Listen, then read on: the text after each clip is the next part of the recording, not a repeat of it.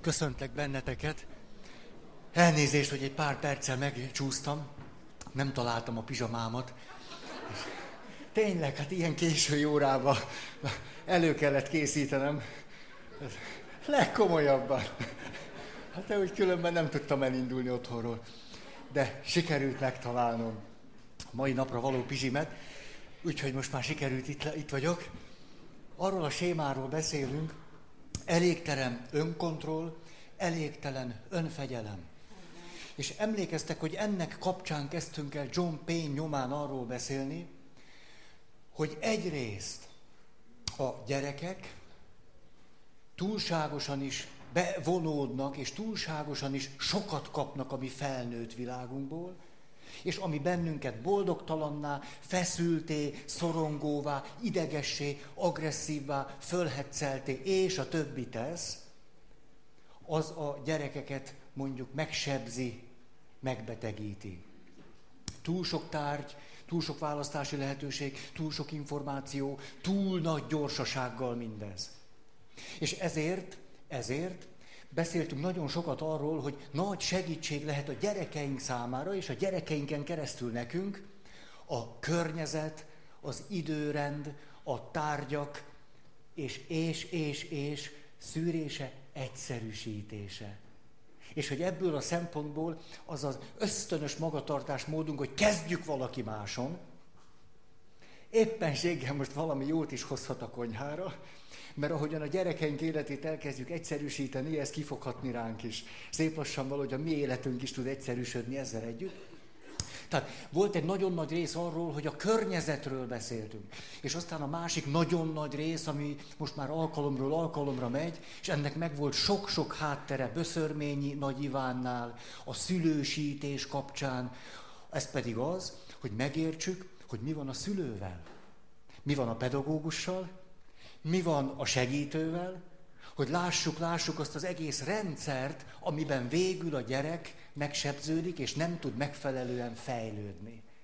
Hogy ezt az egész rendszert szerettük volna látni. És nem egyszerűen csak eltolni valahova a problémát máshova.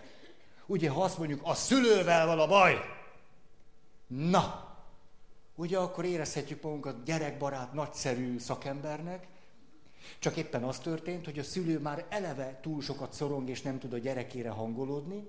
Most elővettük a virgácsot, ugye, nem sokára kapom is, és akkor megdádázzuk a szülőket, amitől a szülő még jobban szorong, és még alkalmatlanabb lesz, amitől a gyerek még rosszabb lesz. A rosszabbat vegyük most idézőjelbe mindenképpen. Tehát akármennyire csak toljuk, toljuk tovább, éppenséggel nem jutunk sehova se. Ezért, ezért, ezért, ezért. Jaj, próbáltuk valahogy ezt összefüggésbe helyezni, mindazt, amiről beszélünk, és éppen egy fordított irányt venni.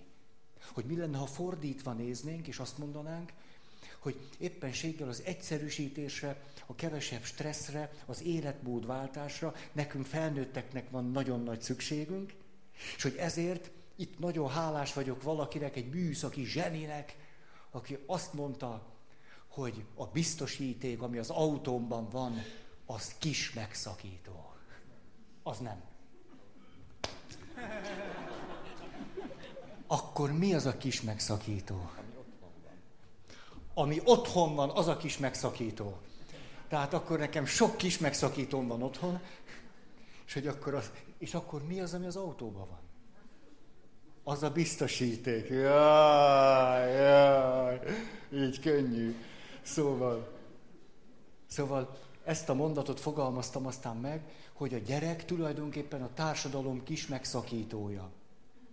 Azért, hogy egy nagy bajt elhárítson, beleszakad. Hogy a család működés módjának, rendszer szemléletű látásának a következménye az volt, hogy fölismertük, hogy a gyerek nem egyszer tünet hordozó, hogy nem vele van a baj, hanem sokkal inkább mondjuk a házastársi kapcsolatnak, a családi kapcsolatrendszernek, a környezetnek, az adott kultúrának a zavara, mert hogy ő a gyönge bennem megtestesül, és mint tünet hordozót láthatjuk azt a zavart, ami nála van. Hű. Azt mondta Erik Erikson, a gyerekünket ne keverjük össze a tüneteivel. És a gyerek tüneteit ne keverjük össze a gyerekkel. Há, fordítva is mondhatom. Tehát, hogy amit a gyerekek zavarával kapcsolatban látunk és megértünk, az tulajdonképpen messze túlmutat a gyerekeken. Tulajdonképpen egész társadalom zavara jelenik meg és testesül meg a gyerekekben, és hogy ezért is milyen abszurd arra gondolni, hogy a gyereket kell ütni, vágni, hogy a helyzet valahogy normalizálódjon. Miközben éppen minden mással kellene foglalkozni, és a gyerek magától normális lenne. Ezt lehetne mondani. Elfogadható, elviselhető mértékű lenne mindaz a kajlaság, mindaz az űr, amit ő produkálni tud.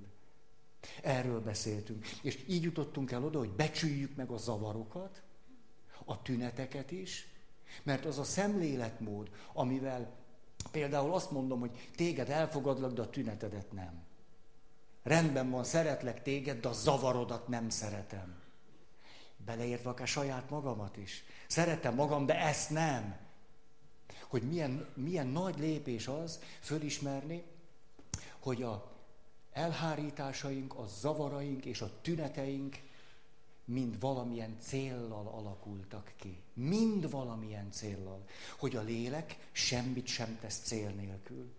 És mert így van, azt kell mondanunk, ha azt tapasztaljuk, hogy vannak tüneteink, zavarjaink, mindenféle olyan elhárításunk, ami éppenséggel nehezíti az életet ebben a pillanatban, itt és most, akkor is tudhatjuk, hogy az valamikor céllal alakult ki. Mert egy olyan helyzetben kellett lennünk, amikor a természetnek már, szabad így mondanom, az életben maradásunk érdekében megérte, hogy mi kifejlesszünk egy tünetet egy elhárítást és valamilyen zavar alakuljon ki.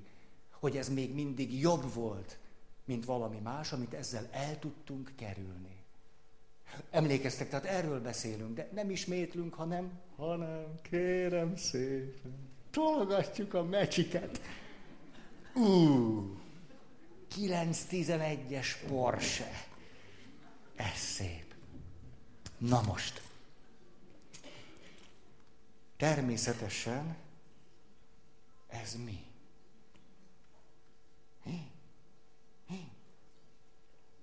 Kis autó, ez nekem nem elég. Ez egy azonosítatlan jármű. És itt ö, egy kamion. Ö, megvan az esti szórakozásom. Azt tuti. Hoppá! Nagyon köszönöm. Vannak játszótársai. Ja.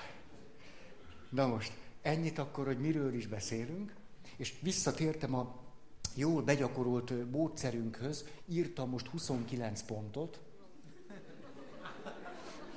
Ez milyen egy spontán reakció volt. Ez puszi neked ezért. Szóval, jaj! Szóval, nem ezért jöttem ide.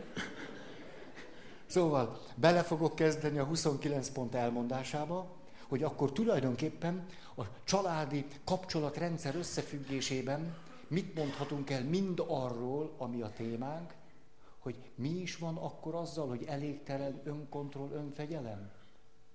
Hogy akkor itt tulajdonképpen miről van szó? Na most, kitaláltam egy jó kis címet, olyan büszke vagyok magamra, hogy ha nagyon unatkozom, kénytelen vagyok dolgozni, és a következő címet adtam a mai alkalomnak, nem a gyerekkel van a baj, hanem a baj van a gyerekkel. Így tudnám összefoglalni az előbb elmondott összefoglalást, hogy nem a gyerekkel van a baj, hanem a baj van a gyerekkel. Most szívesen hazamennék, mert ennél jobbat nem tudok. Tehát még most egy kicsit tologatom a matchboxot, és hazamegyünk. Na most, a családi kapcsolatrendszer összefüggésében szeretnék elmondani egy tipikus magyar családi történetet. De olyan tipikus lesz, hogy már ásítozom, és annyira unalmasan tipikus. Ami történik, az nem ásításra érdemes, az nagyon-nagyon elgondolkodtató, és csomó érzelmet vált ki belőlem. De annyira tipikus, hogy kell is egy matchbox, hogy valahogy ezt elviseljem. Képzeljük el, hogy van egy férfi, van egy nő, na tessék, van egy férfi, meg egy nő, mind a kettő maga is azért többé-kevésbé gyakorló neurotikus. Hát olyan felnőtt szorongó, mindenféle hiányokkal, sebekkel, mindenről nem sokat tud, mert hát átlag magyar ember. Tehát csak szorong, de nem tudja, mi van vele. Aztán valahogyan egymásra találnak.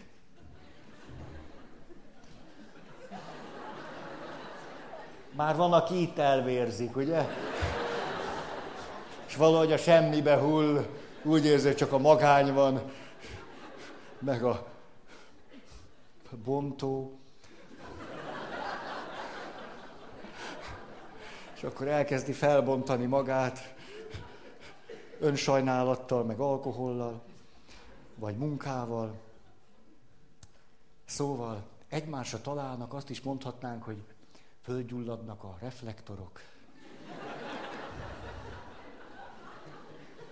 Fénygyúl bennük, fölizzik valami köztük, meg hát a motorblokkban. És aztán elkezdődik a sűrítés, robbanás, szerelem detonációja, és akkor valami kipufogás, ezt most hagyjuk. Nem szeretnék sokfelé asszociálni, mert elvesztem a fonalat, mármint az utat. Szóval egymásra találnak, és tulajdonképpen mi történik a szerelem eufóriájában, benzingőzében? Most ez lesz az az alkalom, van egy csúcsom. Tudjátok, ezeket, a, ezeket az alkalmakat leadják vágott formában a Mária rádióban. Most nem tudom, azt hiszem 45 perc vagy 50-ről kezd, kezdték, nem tudom most mennyi, de, de annyit tudok, hogy a csúcs 11 perc. Nem árulom el, hogy miről beszéltem, de valaki jött, hogy te Feri, képzeld el, hogy én egy picit, egy pár perccel később ültem a rádióhoz, mert meg szoktam hallgatni, hallgatni, és meg a kedves hallgatóink az iránytó című műsort hallották, és volt 11 perces műsoridő, ebből ő ötöt hallott, és akkor megkérdezte tőlem, hogy ez hogy van.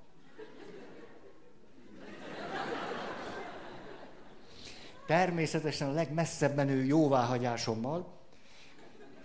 Tényleg így van, mert nem cél, hogy bárkit is megbotránkoztassunk. Csak titeket.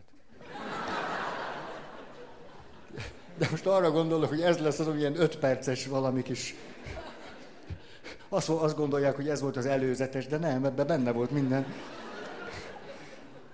Szóval, tehát a szerelem...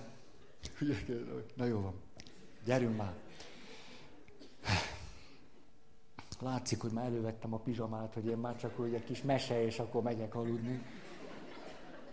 Szóval, a tipikus magyar családi történet, hogy egymásba szeretnek, sok hiány, sok ez, sok az, tudjátok, a szerelem tudattalan motivumai, tehát gőzük sincs, hogy miért pont egymás, de hát nagyjából azért, mert sérülés a sérülésre talál. Hát tényleg így van. Hát így van. De az azért olyan szép vagy, dehogy is. Pont úgy vagy sérült, hogy passzolsz hozzám. Hát egy másfajta sérüléstől megbolondulnék három nap múlva. De a te sérülésed pont passzol hozzám. Ezért aztán mi nagy szerelem, és akkor persze egymásra hangolódunk, tudattalanok, hogy éjhatárok föloldódnak, hát szóval azért ez egy nagy rock and roll feeling. A szerelem megteremti azt a lehetőséget, hogy sokat legyünk együtt, egymásra hangolódunk, sokat figyelünk egymásra, törődünk egymással, gondoskodunk egymásról. No, belegondolni is jó. Ja, szóval egymás mellé kerülünk.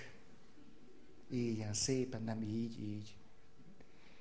Igen ám, de mondjuk a, egyáltalán eljutunk a házasságkötésig, ugye, mert akkor már azért nem kapunk meg mindent úgy, ahogy szeretnénk, de van bennünk egy naivitás, hogy a házasság kötéssel biztosíthatjuk azt, hogy a másik most már végérvényesen meg kell, hogy adja azt, amire szükségem van, és erre esküt is tesz.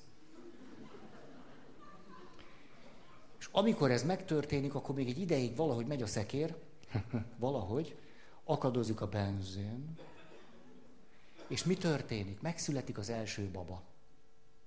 Hát persze a család szeme fénye.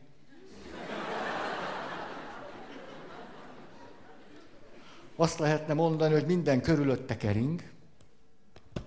Na most. Itt még a köldök zsinór is rajta van.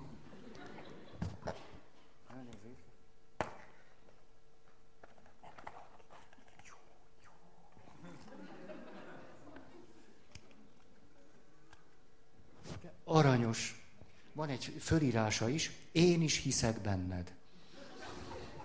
Tényleg ez van ráíró. Tehát megszületik a család szemefénye. Még nem...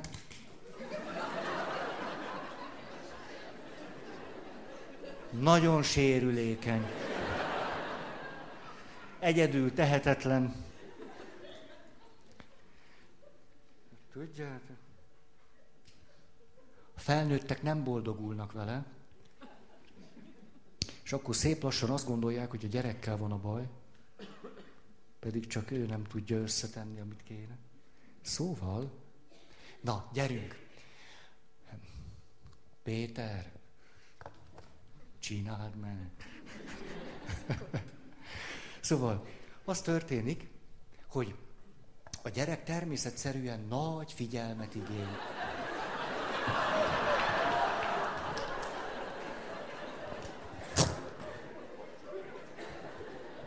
Ha nem lenne önbecsülésem, most megszégyenülve érezném magam, megalázva, és kirekesztve a normálisak társaságában. Szóval, a gyerek természetesen nagy figyelmet igényel, és ha az anya egyáltalán vállalkozik arra, hogy megpróbál jó anya lenni, biztosak lehetünk abba, hogy ha annyira sérül csak, hogy egyáltalán megkíséreljen jó anya lenni, akkor nagyon jó anya akar lenni. Nagyon. Ami persze azt jelenti, hogy rengeteg idejével, figyelmével gyermekénél lesz, így, apa meg megy dolgozni. Még nézi, nézi, mi történik otthon, de egyre távolodik, és mit fog megélni az apuci? Az ap...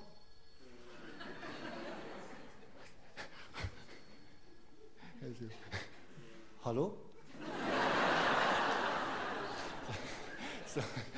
Az apuci azt fogja megélni, hogy tulajdonképpen, amíg a szerelem szép időszaka volt, addig volt igazán jól, bár tulajdonképpen nagy hullámzások voltak, de tulajdonképpen a társa tényleg megadta neki azt, amire szüksége van. De most, hogy megszületett a gyerek, ő nem kap elég törődést, figyelmet, szeretetet, gondoskodást. Szép lassan, mintha a felesége nem is venné ember számba, vagyis kocsi számba, autószámba. Mintha nem venné, úgy, mert jön haza, akkor gyere, mérkéstél, fürdetés van, szex nincs, csak fürdetés. A férfi kezd egyre jobban kimenni a családba, és úgy érzi, hát őt nem szeretik, ez neki nagyon kevés, ő, ő, és hogy a szorongását enyhítse, mondjuk első lépésben többet dolgozik. Tipikus. De ettől a szorongása nem enyhül, mert haza kell mennie. Ahol továbbra sem kapja meg azt a mennyiségű törődést és szeretetet, amiről azt gondolja, hogy neki arra szüksége van, következő lépés pedig hmm, egy garázs. Ott már áll egy autó, esetleg kettő, három. Mit él meg a feleség?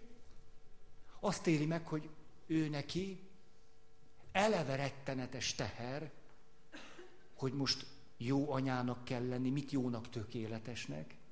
Ez eleve rengeteg szorongást kelt benne, Ezért alig várja, hogy a férje hazajöjjön, hogy egy kicsit enyhítse az ő rettenetes szorongását, amiből éppen az anyai helyzete miatt ki se tud jönni, hiszen ő van ott a gyerekkel, nem tud hova hagyja, kire hagyja.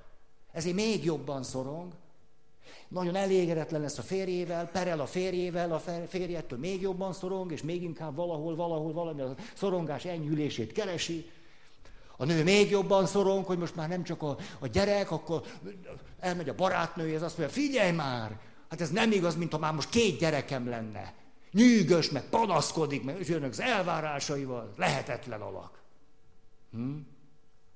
Az anya még jobban szorong, feleségként is szorong, szorongva nem jó a szex. Negatív érzések, szexgyilkosok.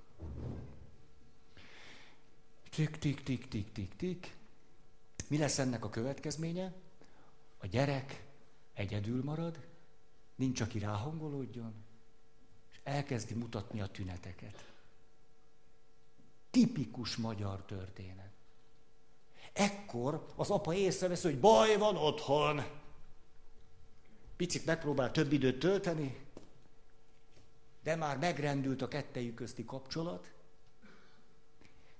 túl nagy a szorongás ahhoz, hogy egymás közelében föl tudjanak oldódni, elkezdik egymást bántani. A gyerek meg középen. Esetleg egy ideig összefognak a gyerek érdekében, mert a gyerekkel baj van. Még egy pár évig így összefognak a gyerekekért, de közben az apa még jobban szorong, mert eddig csak a felesége volt nagyon fárasztó számára, most már a gyerek is. Még messzebb megy. Az anya még kevesebb érzelmi melléállást él meg, és most bár egy ideig még a gyerek kielégítette a közelségigényét, a társigényét, a melegség, a bőrigényét, de miután annyi zavar van vele, meg most már három, meg öt éves, meg hat, meg tulajdonképpen a gyerekén keresztül se jut ahhoz hozzá, amihez hozzájutott még az első néhány években, még jobban szorong, és még inkább egyedül van. Most, amikor ez van a szülőkkel, akkor mi lesz a gyerekkel? A gyerek még jobban fog szorongani, mert nincs hova menni. Kinél, kinél oldódik föl az ő szorongása? Nem tud kinél föloldódni, mert a szülők szoronganak már nagyon. És kialakul egy rettenetes rendszer, ez mai magyar családok klasszikus működésmódja. Most ezt esetleg tetézzük nem tudom én, munkahelyi nehézségekkel, meg házépítéssel. És akkor meg vagyunk. És erre mondhatjuk azt, hogy ha most a helyzetet, ami fölállt, tényleg rakjuk ezt ide, apa itt, anya ott, gyerek szorong, hogy erre a helyzetre reálisan nehezen mondhatjuk azt, hogy a gyerekkel van a baj. Nem a gyerekkel van a baj, hanem a baj van a gyerekkel.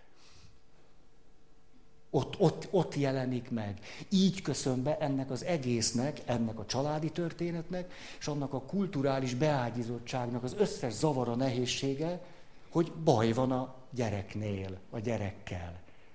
A baj van a gyerekkel. Nem a gyerekkel van a baj. Ugye milyen rettenetesen fájdalmasan unalmas volt?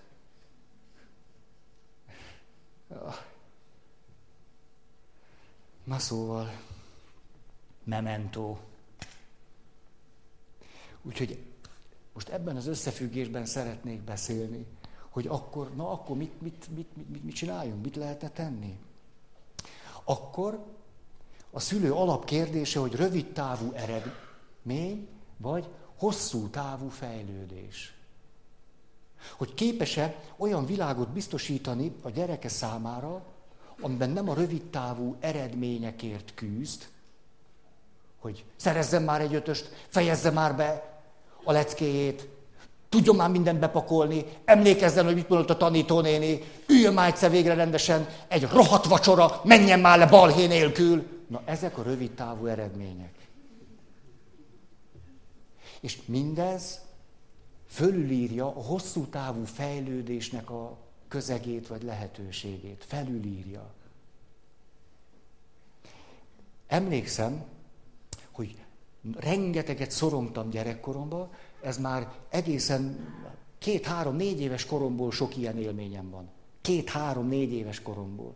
És arra is emlékszem, amikor bekerültem az iskolába, ezt meséltem nektek, hogy, hogy a szorongásomat némi aktivitással próbáltam enyhíteni, ezért a szüleim úgy döntöttek, hogy sportosztályba kell iratni a gyereket, levezeti az energiáját, és addig sincs otthon.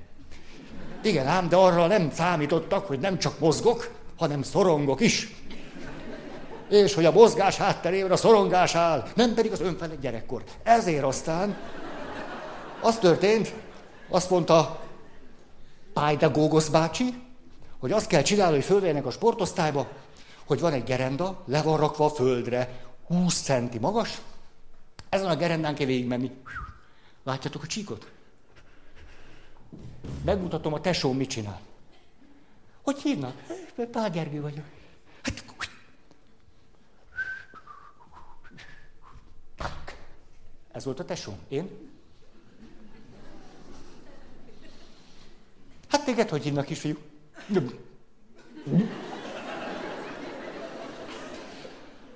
Jó, hát név nélkül is végig lehet menni.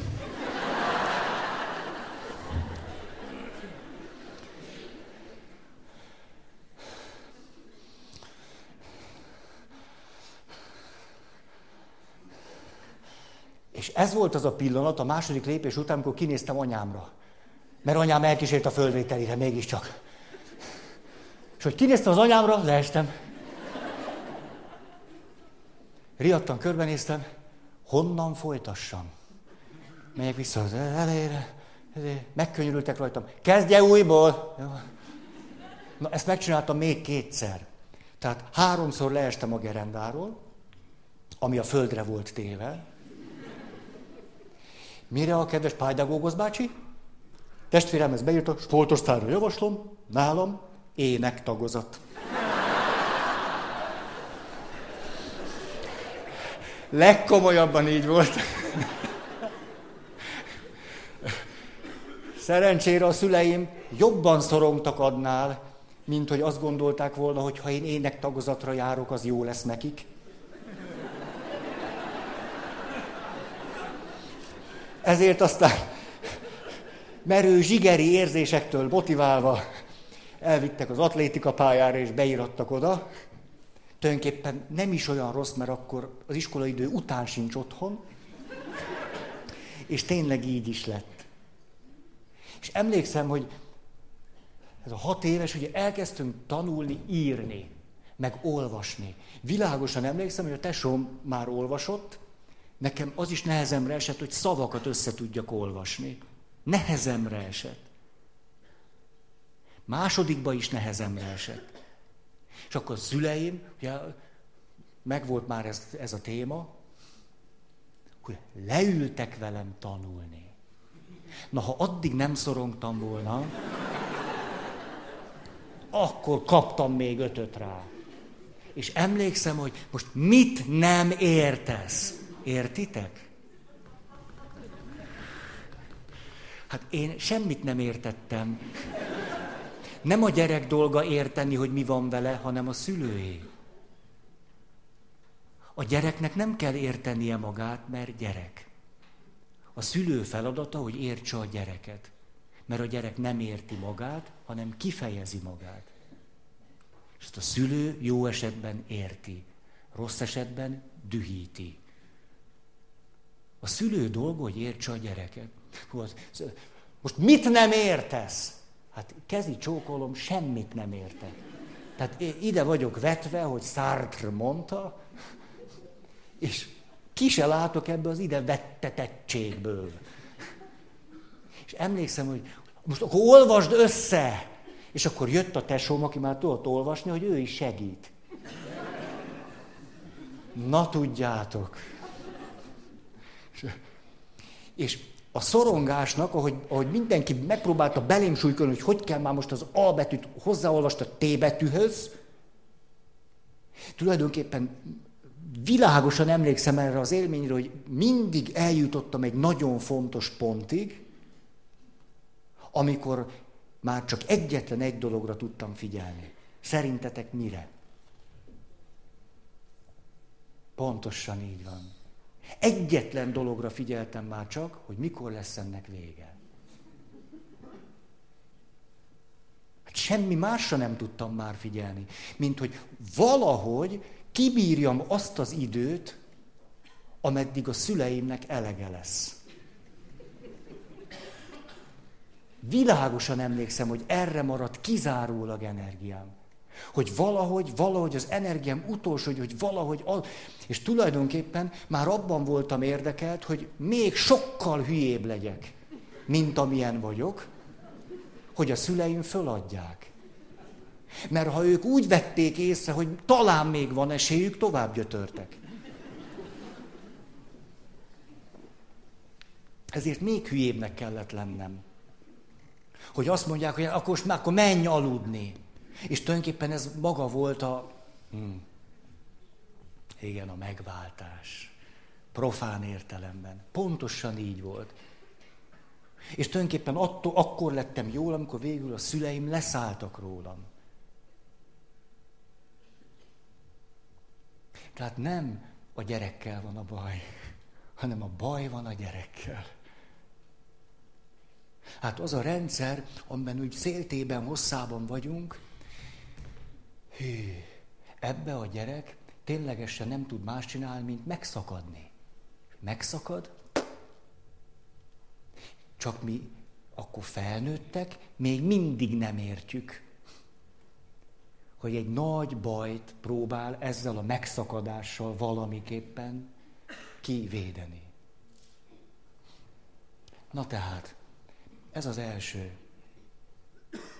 Második pont, hogy mikor, ugye, mit mond a szülő, vagy hogyan, ugye érzékelitek, nem a szülő, nem, nem szülőket szeretnék bántani, hanem most a gondolkozásmódról, a helyzetről szeretnék beszélni. Nagyon-nagyon szülő, pedagógus, segítő párti vagyok. Mert látni valóan, de hát erről úgyis sok szó esik. Mindent el kellene követni, hogy mi felnőttek ne szorongjunk annyit. Mégpedig a gyerekek érdekében. Ha másért nem a gyerekek érdekében kéne, hogy jobban legyünk. Na, tehát ez az összefüggés, amiben beszélek. Hogy tulajdonképpen szülőként azt mondom, hogy azért szorongok egyre jobban, mert a gyerek jövőjét nem látom biztosítva, aggódok így a gyerek jövője miatt, hogy hogy lesz ennek diplomája. Ugye? Aggódok a jövője miatt, és mi ebben a paradoxon? Hogy a szülő, aki úgy definiálja magát, mint aki hosszú távon gondolkodik, és a gyerek jövője miatt aggódik, valójában pont nem ezt teszi. Hanem a pillanatnyi eredményekért éppenséggel a hosszú távú fejlődésnek a terét teljesen elfelejti. De így záródik be a kör, hogy én azt gondolom, hogy a gyerek nem tudja, hogy mi van. Én vagyok képes látni a jövőt, miközben a gyerek azon dolgozik, hogy jövője legyen. A gyerek dolgozik a jövőért. Hogy hagyják békén, hogy valahogy élni tudjon.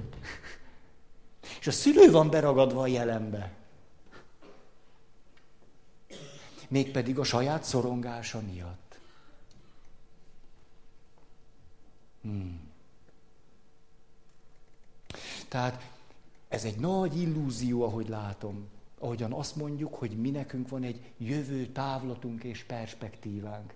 Valójában ott és akkor, amikor a gyerekkel vagyunk, sokszor éppen nincsen. Ugyanis, ha nekünk lenne egy jövő távlat elérhető módon emlékeztek a múlt erőforrásom, a jövő erőforrásom, nem a jelenből élek, hanem a jelenben élek, akkor a gyerek szorongásával tudnék valamit kezdeni. Mert én akkor egy idő távlatban lennék ott jelen. De amikor ellehetetlenülök, az éppen azt jelenti, hogy ez az időtávlat nekem megszűnt. Miközben a gyereket azzal próbálom azt próbálom megértetni vele, hogy de nem fognak fölvenni így. Hát a jövőre hivatkozok a gyereknél, miközben én elvesztettem a távlatokat. Érthető, amit mondok? Azt várom el a gyerektől, hogy ő lásson messzebb, és ez alapján a magatartásán változtasson. Miközben én egyáltalán nem látom azt a jövőt, ami alapján én a magatartásomon változtathatnék. Itt és most először a magam, és aztán a gyerekem érdekében. De közben, ami tudatosul bennem, az nem ez, hanem az, hogy én látom a jövőt, a gyerek meg ide, ide van. Hmm. Hmm. Jó? Mi az, amit lehetne tenni? Tulajdonképpen, furcsán hangzik, hogy örülhetnénk a gyerek létezésének. A gyereknek is, meg hogy van. Végül is talán a legelemibb üzenet, amitől a gyerek megnyugodhatna, főleg hosszú távon, hogy azt tapasztalja, hogy örülünk neki. Örülünk neki, és örülünk annak, hogy van. Tulajdonképpen ennél sokkal többet nem is adhatunk egy gyereknek, mint hogy mi magunk olyan felnőttek tudunk lenni, akik képesek vagyunk arra, hogy örüljünk a gyereknek, meg annak, hogy van. Szerintem ez egy óriási nagy emberi teljesítmény. Ez nem egy kis dolog, vagy ez, ez, már csinálom is. Hű, hatalmas emberi teljesítmény. Olyan felnőtté válni, aki tud örülni a gyereknek és annak, hogy ő van. Nem akkor, amikor szenteste meghúzta a csöngőt, és a gyerek áhítatos szemmel robban be a karácsonyfa alá, hogy megvan-e a kamion. Mert akkor nem nehéz szeretni. Hanem amikor nem tud olvasni, meg nem bír elaludni, meg ötötször kijön. De ezt jobban tudjátok, mint én. Én, én ezt kevésbé tudom. Ti jobban tudjátok. Úgyhogy már csak ezért is elismerésem nektek. Ténylegesen elismerésem minden szülőnek, aki arra vállalkozott, hogy szülő legyen. Látjátok? Gyakran jut eszembe papként a hét mesterlövész. Ott van a hét csávó, Charles Bronson, Chuck Norris. Na jó. Figyeltelek titeket. Hát Chuck Norris hogy lett volna már hét mesterlövészben? Persze, hogy nem volt ott. Szóval a hét mesterlövész, és akkor ugye Charles Bronson mellé szegődik egy kisrác. És ilyen levakarhatatlanul ott van, és először persze Charles Bronson nagyon idegesíti, utána aggódik érte, és végül valami nagyon szép dolog alakul ki köztük. És akkor azt mondja a kisrác, hogy olyan akarok lenni, mint te.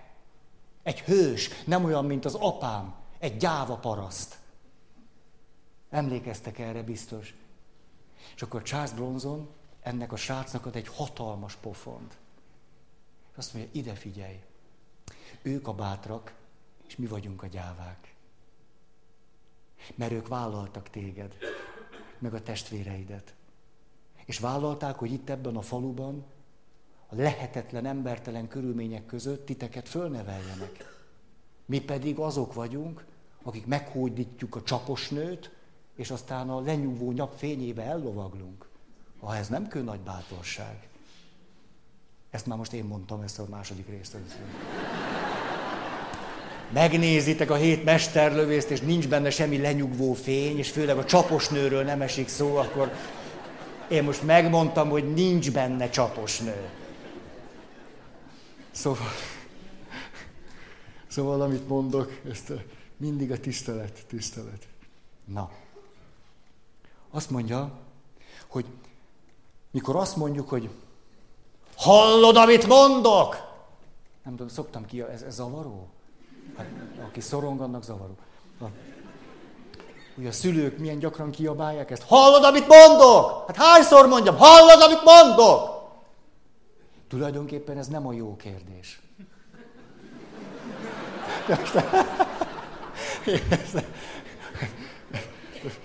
De jó van. De hogy szól a jó kérdés?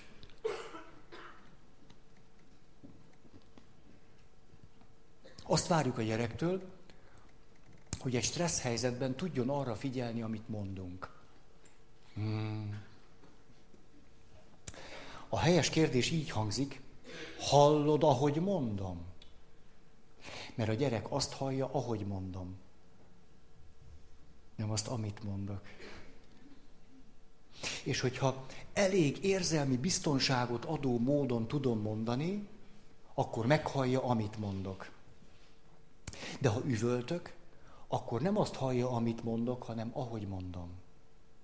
És akkor arra kénytelen reagálni, ahogy mondom. Hiszen az fenyegető ránézve. Az tehetetlenné teszi, eszköztelenné, ezért ő válaszol. De nem arra, amit kérdezek, hogy hallod, amit mondok, hanem arra, ahogyan mondom. És akkor begubózik, vagy megüti a kistesóját, vagy elrohan, vagy egy kedves ismerősömöknő, kislány, minden vasárnap bepakolta a kis tornazsákját, hogy ő elköltözik. Ezt, amikor valami zűr volt a családban, ezt ő megcsinálta mindig. Általában vasárnap délután. Neki akkor lett elég. Ilyen egy, egy jól működő kis megszakító. Azt mondta, én nálam most... Akkor bepakolt, és akkor szülők tudták, hogy velük valami baj van. És a okos szülő azt mondja, valószínű, hogy a feszültség szintje olyan nagy lett, hogy a gyereknek mások. Tehát nem a gyerekkel van a baj, hanem a baj odaszegődött a gyerekhez. És ezt most ki is derül. Szóval, hiába kiabálunk, hogy hallod, amit mondok, mert minél kisebb egy gyerek, annál inkább azt hallja, ahogy mondjuk. Annál inkább azt hallja. És ha, most így mondom, emészthető, elfogadható, a gyerek számára befogadható az, ahogyan mondjuk, akkor hallja meg, amit mondunk. És akkor arra tud reagálni. Különben arra reagál, ahogy mondjuk. Jó van. Jaj, tudjátok, Isten, mennyi az idő. Hí, kilenc óra elmúlt. Megyek aludni.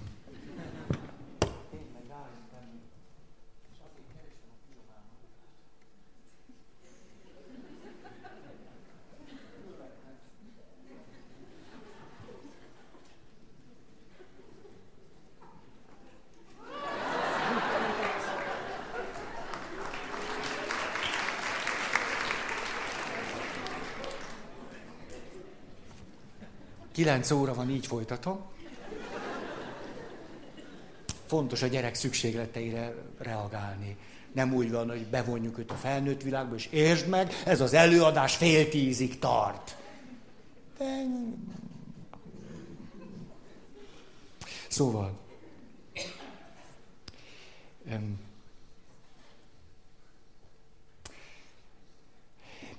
na most, Például gyakran... Most, most... nem látod, tehát megvannak ezek a rituálék, ezt nem most itt ló kifelé, most mit csináljak vele? Szóval, némi kis kényszercselekvés, hogy anyukám azt mondta, hogy tűrjem be a pizsamám, megfázik a derekam. Na, betűröm. Te kim voltál? De jó, nem vettem észre. Ügyes. Szóval azt akarom itt mondani, hogy most akkor ugye, hogy a gyerek arra figyel, ahogy a szülő mondja. Elsősorban arra figyel. Hogy akkor jön egy értelmes kérdés, hogy most akkor nem lehetek dühös rá, akkor most nem haragudhatok, most mindent akkor csomagoljak be, és akkor... Na, itt megint nem a lényegről beszélünk. Mert a lényeg az az, hogyha a gyerek és köztem létezik egy biztonságos kötődés. És a gyerek ebben a biztonságos világban, biztonságos kötődésben tudja azt, hogy örülök neki, meg örülök annak, hogy van, és éppenséggel Kifejezem a haragom úgy, hogy azzal őt nem minősítem, nem sújtom, nem fenyegetem, nem félemlítem meg. Csak kifejezem olyan módon, ahogy a számára elfogadható, elviselhető, hordozható, akkor azt egy gyerek minden további nélkül el tudja rakni, ahova kell. Tehát a probléma nem ez. Ezért az a kérdés, hogy most akkor ne haragudj, nem ez a kérdés, hanem az, hogy van-e egy olyan világ, ahol a szülő a gyereket nem fenyegető módon a haragját kifejezheti, hogy van-e egy ilyen kapcsolat, amiben ez kifejezhető. Ugyanis, ha ez a kapcsolat nincs meg, ez a világ nincs meg, akkor mi történik? Emlékeztek az önbecsülés hiányában, mikor azt mondja a vendég, hogy ez a leves sós, akkor mi történik? Az történik, hogy én azt úgy hallom, mire elérkezik hozzám a mondat, az lesz belőle, hogy béna vagy. Hülye vagy, szerencsétlen vagy, nem vagy jó háziasszony, még egy leves se tudsz megcsinálni. Ugye, hogy így érkezik meg benne. Itt már így van. És erre fogok reagálni, ahogyan az megérkezett. Mert nincsen önbecsülés. Na, itt alakul ez ki. Ez azt jelenti, hogyha nincsen meg a biztonságos kötődés, nincs meg ez a közeg, akkor a szülő a lehető legzseniálisabb pontossággal, kizárólag én üzenetek formájában, semmiféle pusztító indulattal, megfelelő motivációval, mindenféle pozitívummal mondja azt, hogy na hát azért most haragszom arra, hogy kidobtad a tévét a negyedikről. Most ha ez az arany szabályok szerint is hangzik el, a gyerek akkor sem azt fogja hallani, hogy édesanyám milyen kultúrált szülő. Milyen tankönyvszerű én üzenetben fejezte ki abbéli aggodalmát, hogy a televízió esetleg egy más humanoidra eshet. Aki nem kevésbé értékes, mint jó magam. Hanem akkor az történik, hogy a szülő mondhatja a legszebben, legprecízebben úgy, hogy erre azt mondja, most mond tényleg, most nagy embereket akartam mondani, de nem. Mondjuk Erikson is azt mondaná, hogy hát ezt így kell.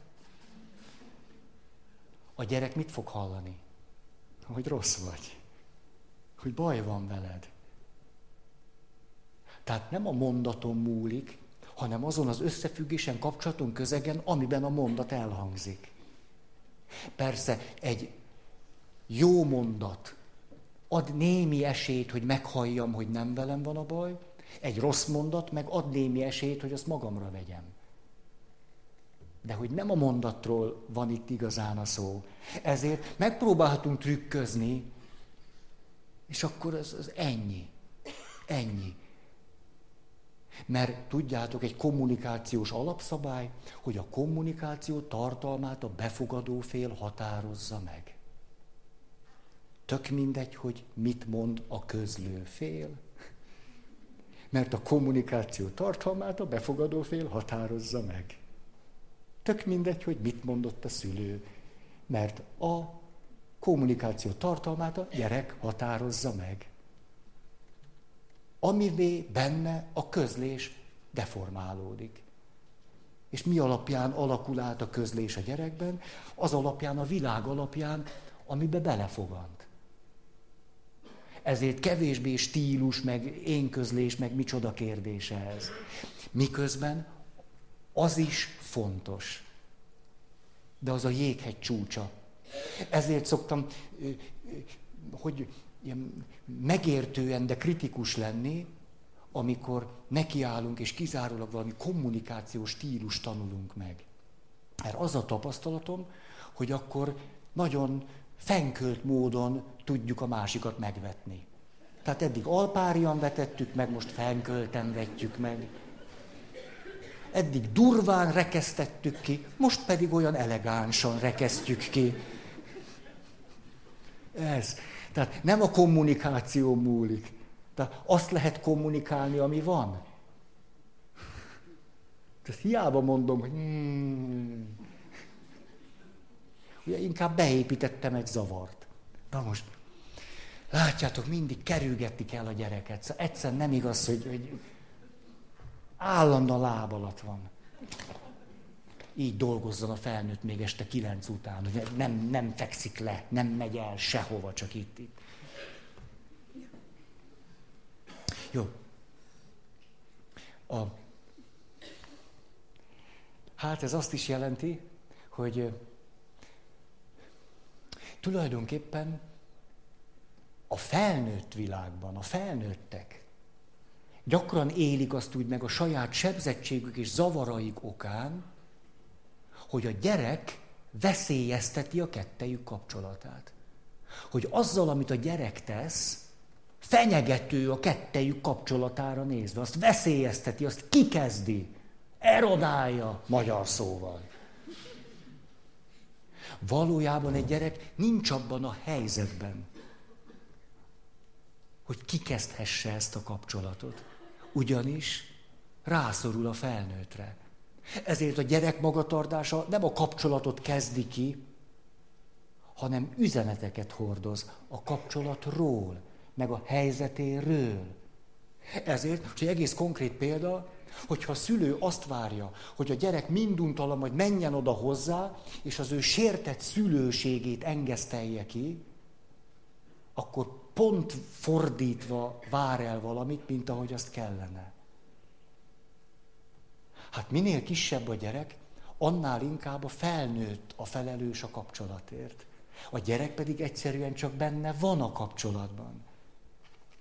Amikor egy csecsemő annyit ordít, hogy a szülőnek idáig lesz már, akkor ezzel nem akarja fenyegetni a szülőt meg a kapcsolatot, hanem valamit kifejez.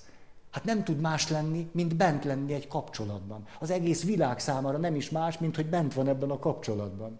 És vágyik rá, hogy valaki hallja meg és értse, ami ő.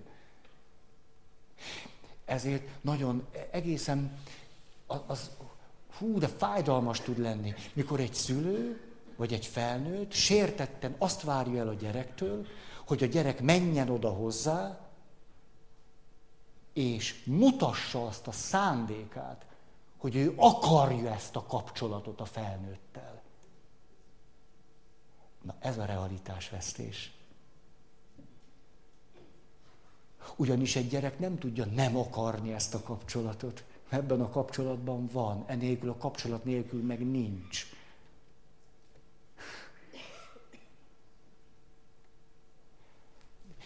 Na jó. Hm. Oké? Okay?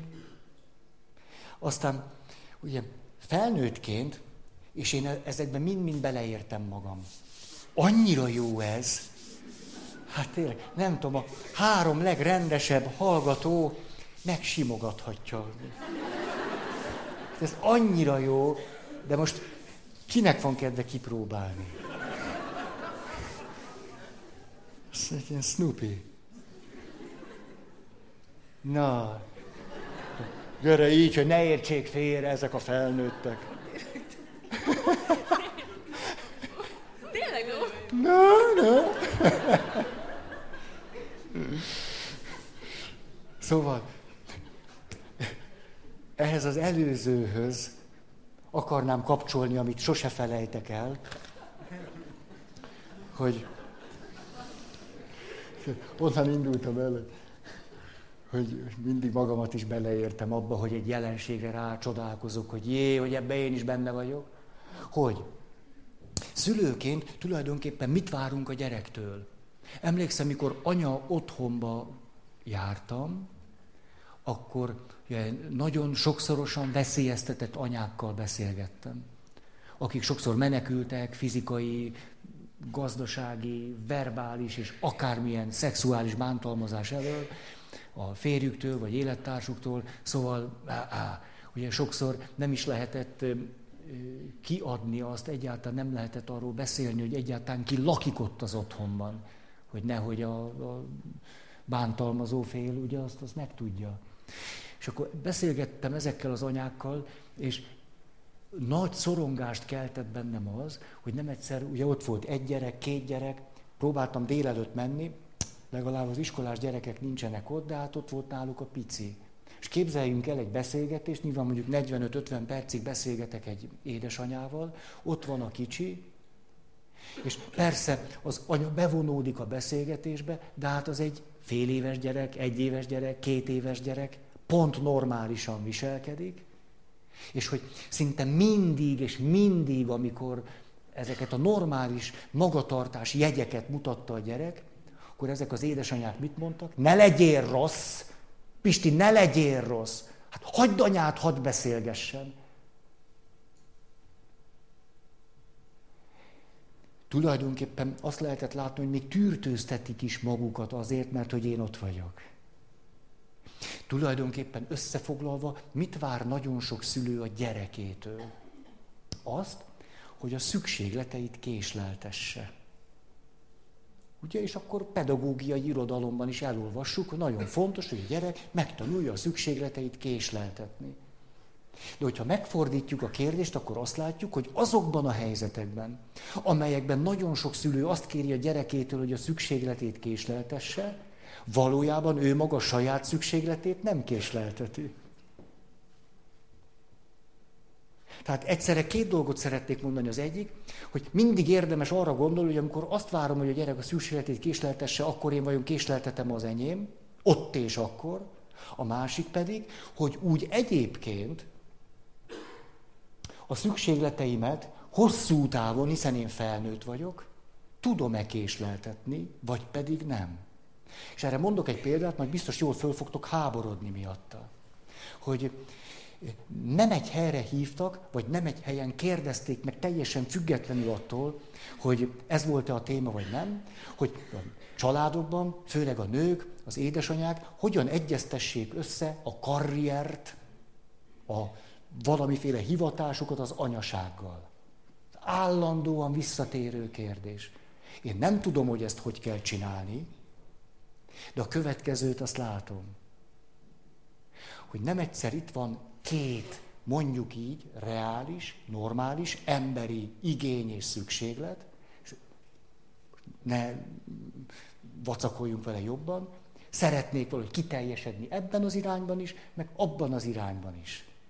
Igen ám, hogy látjuk a magyar világot, már eleve attól megrendül az egyensúly minden egyes tagban külön-külön is, meg a családi működés rendszerben is, pusztán azáltal, hogy megszületik a gyerek. Már az által megtörténik a zavar. Pusztán azzal, hogy a gyerek van. Most ehhez tegyük még ezeket a külső dolgokat. Most képzeljük el, hogy az anya közben azt mondja, igen, hát megszültem a gyerekem, most már kettő is van, de igen, de hát a karrier, hát itt van a karrier is, hát a karrier is. Akkor két dolgot látok. Az egyik, hogy a karrier legitim mód ebből a világból kimenni. Tulajdonképpen pont úgy, mint a férfinek. Ugye? Tehát most akkor a nők megkapták a jogot arra, hogy ugyanúgy elrontsák, mint a férfiak.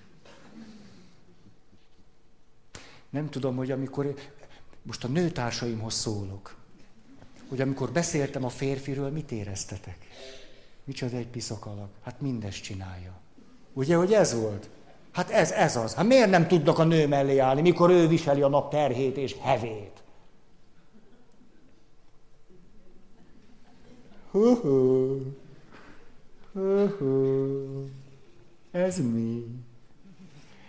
Adhatok neki egy szép nevet, hogy nekem is jogom van a karrierhez. Egyébként azt gondolom, hogy persze, hogy, persze, hogy, persze, hogy jogod van. Hát ez egészen biztos. És ráadásul azt is nagyon meg tudom becsülni, ahogyan teszel valamit a saját egyensúlyodért. Emlékeztek erről, beszéltünk, hogy szép lassan mi történik, a kapcsolatrendszer nagyon zavartan működik, és ha a kapcsolatrendszer zavartan működik, akkor az emberek külön-külön próbálják magukat stabilizálni. Hiszen a kapcsolatban tulajdonképpen még nagyobb zavarokat élnek meg. Ez az, amikor megpróbálunk megbeszélni egy problémát, de csak üvöltözni kezdünk. Ugye, akkor, akkor hiába akkor kapcsolat egy újabb terhet jelent, ezért mindenki szép lassan betér a saját világába, és arra törekszik, hogy a saját egyéni egyensúlyát föntartsa. Szinte mindegy, hogy milyen áron. Mert hiszen a helyzet olyan rossz, hogy nem engedhetem meg magamnak, hogy teljesen szétessek. Ezért akkor a férfi választhat egy szeretőt magának, meg nem tudom, mit csinálhat. A gyerek produkálja a tüneteket, ugye mit szoktak mondani a felnőttek? Már megint föl akarja hívni magára a figyelmet. Hát éppenséggel joggal. Mert ugyanis őrá nem figyelnek. Ha egy gyerek föl akarja hívni magára a figyelmet, azt egész biztos, hogy joggal teszi. Hát ha valaki joggal akarja fölhívni magára a figyelmet, az pont a gyerek. De itt már mindenki csak úgy magában próbálja fölhívni magára a figyelmet és saját magát stabilizálni. Ettől a rendszer működése még problémásabbá válik. Tehát nagy értéknek tartom, ahogyan megtanuljuk magunkat stabilizálni. Ki ezzel, ki azzal. De ha összefüggésben látjuk, akkor azt látjuk, hogy tudjuk magunkat úgy stabilizálni, hogy attól a rendszer szét fog esni. Tulajdonképpen ilyen egyszerű. És most oda akartam eljutni, hogy tulajdonképpen azt is mondhatnánk, és nem mondom, hogy csak ezt mondhatjuk, vagy csak így láthatjuk, hogy amikor ma például nagyon sok nő egyszerre akar gyerekeket és karriert, akkor bizonyos szükségleteit nem késlelteti. Mert azt is mondhatná az anya, most legalább három évet otthon maradok. És késleltetem azt a szükségletemet, hogy én szeretnék karriert vagy előrejutást. Hogy e- ez is egy szükséglet, érthető, normális, emberi, jogos, egészséges, természetes és minden, de most ezt késleltetem egy pár évig.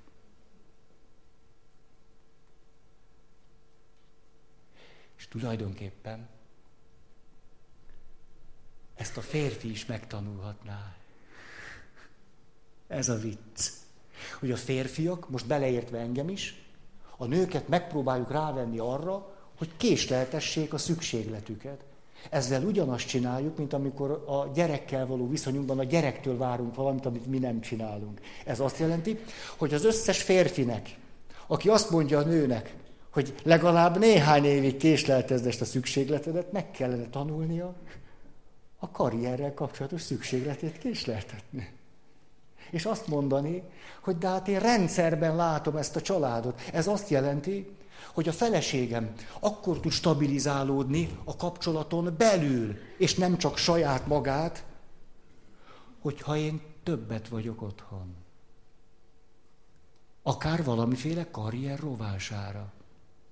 Akkor a feleségem kevésbé fog szorongani, emiatt a gyereknek kevesebb tünete lesz. Haha. Tehát az összes férfi, aki nagyon jól tudja, hogy mit kéne csinálni a nőnek, csinálja meg. Ezt tudjátok, mihez hasonlít? Ahhoz, ahogy mi az egyházban működünk.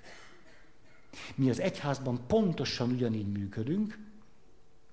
Most hallom, ahogy beszélek, persze, most egy ilyen sarkos, meg szélsőség, nem tudom mi. Valamit akarok ezzel mondani. Mert a jó szándékot mindig föltételezem. Hogy ott van az a példabeszéd, a jó pásztor ott hagyja a 99 igazat, és elmegy az egy elveszettér. Aggódik érte. Fontos neki. Elmegy keresni, kutatni, kockáztat ért, mikor megtalálja, megörül neki, összehívja a barátai, gyertek, örüljetek velem. Emlékeztek, három mondatos történet. Valamiképpen Istenről szól. Mi az a benyomásom, persze sarkosan, ezt pont fordítva csináljuk, mi az egyetlen egy még templomba járóval maszatolunk,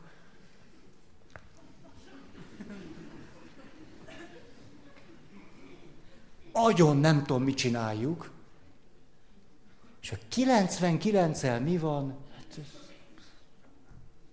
én dolgom biztos nem az enyém, nekem az ott azzal az egyel, ott öntöm, pöntömözünk, maszatolunk.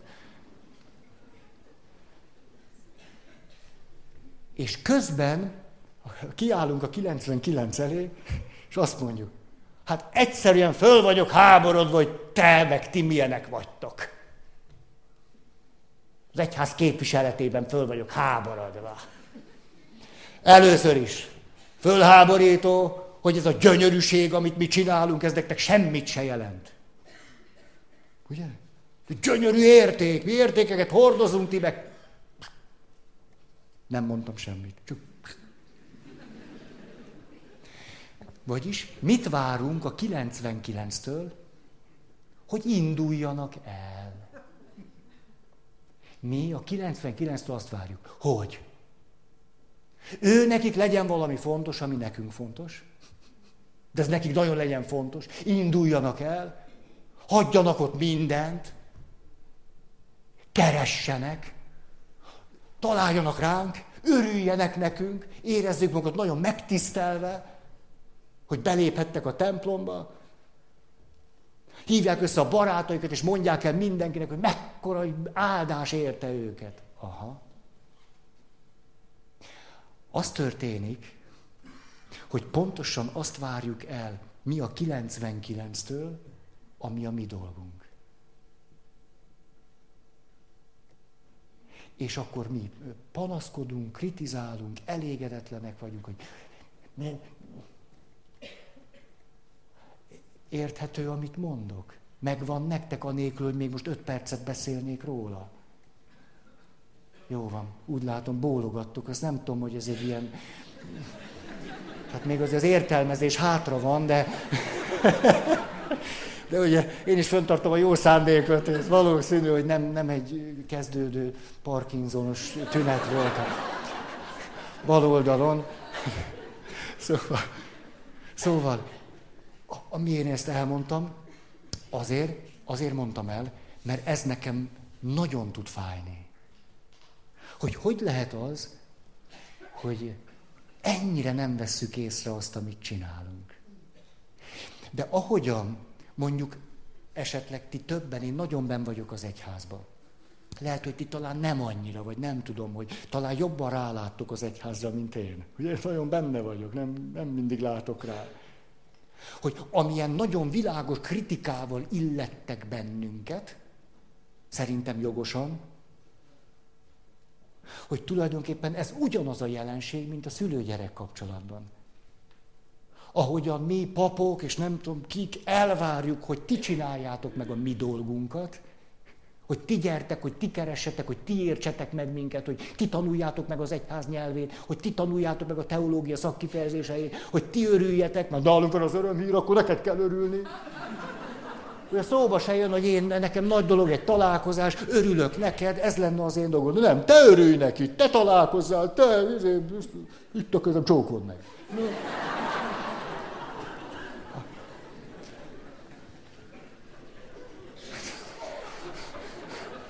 Még jó, hogy ez élőbe is kimegy. Tehát tulajdonképpen azért van, van öröm az életben, ami oldja a szorongásomat, aggodalmamat így, kari előtt.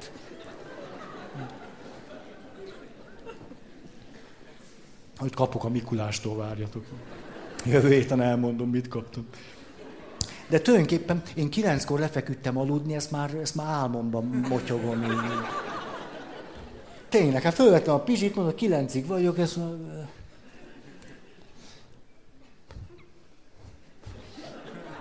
Az csak így. Most ébredtem föl. Ti is.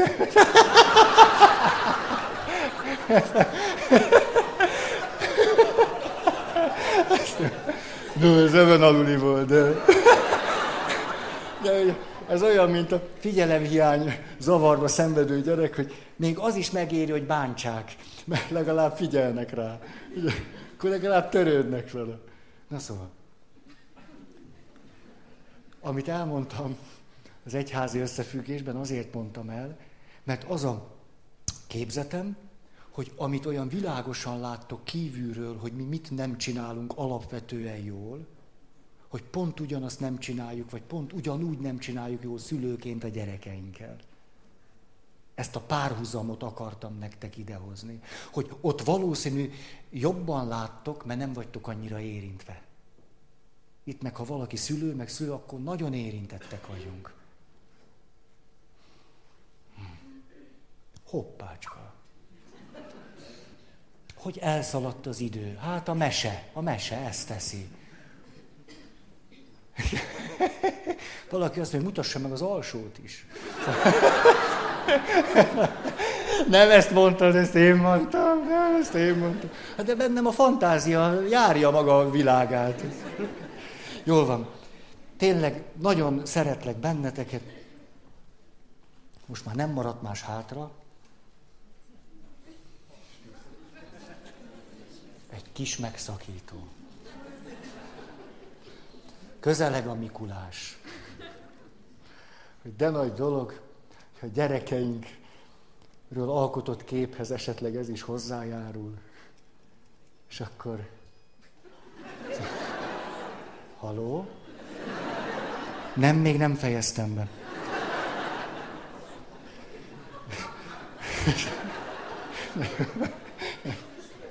Micsoda?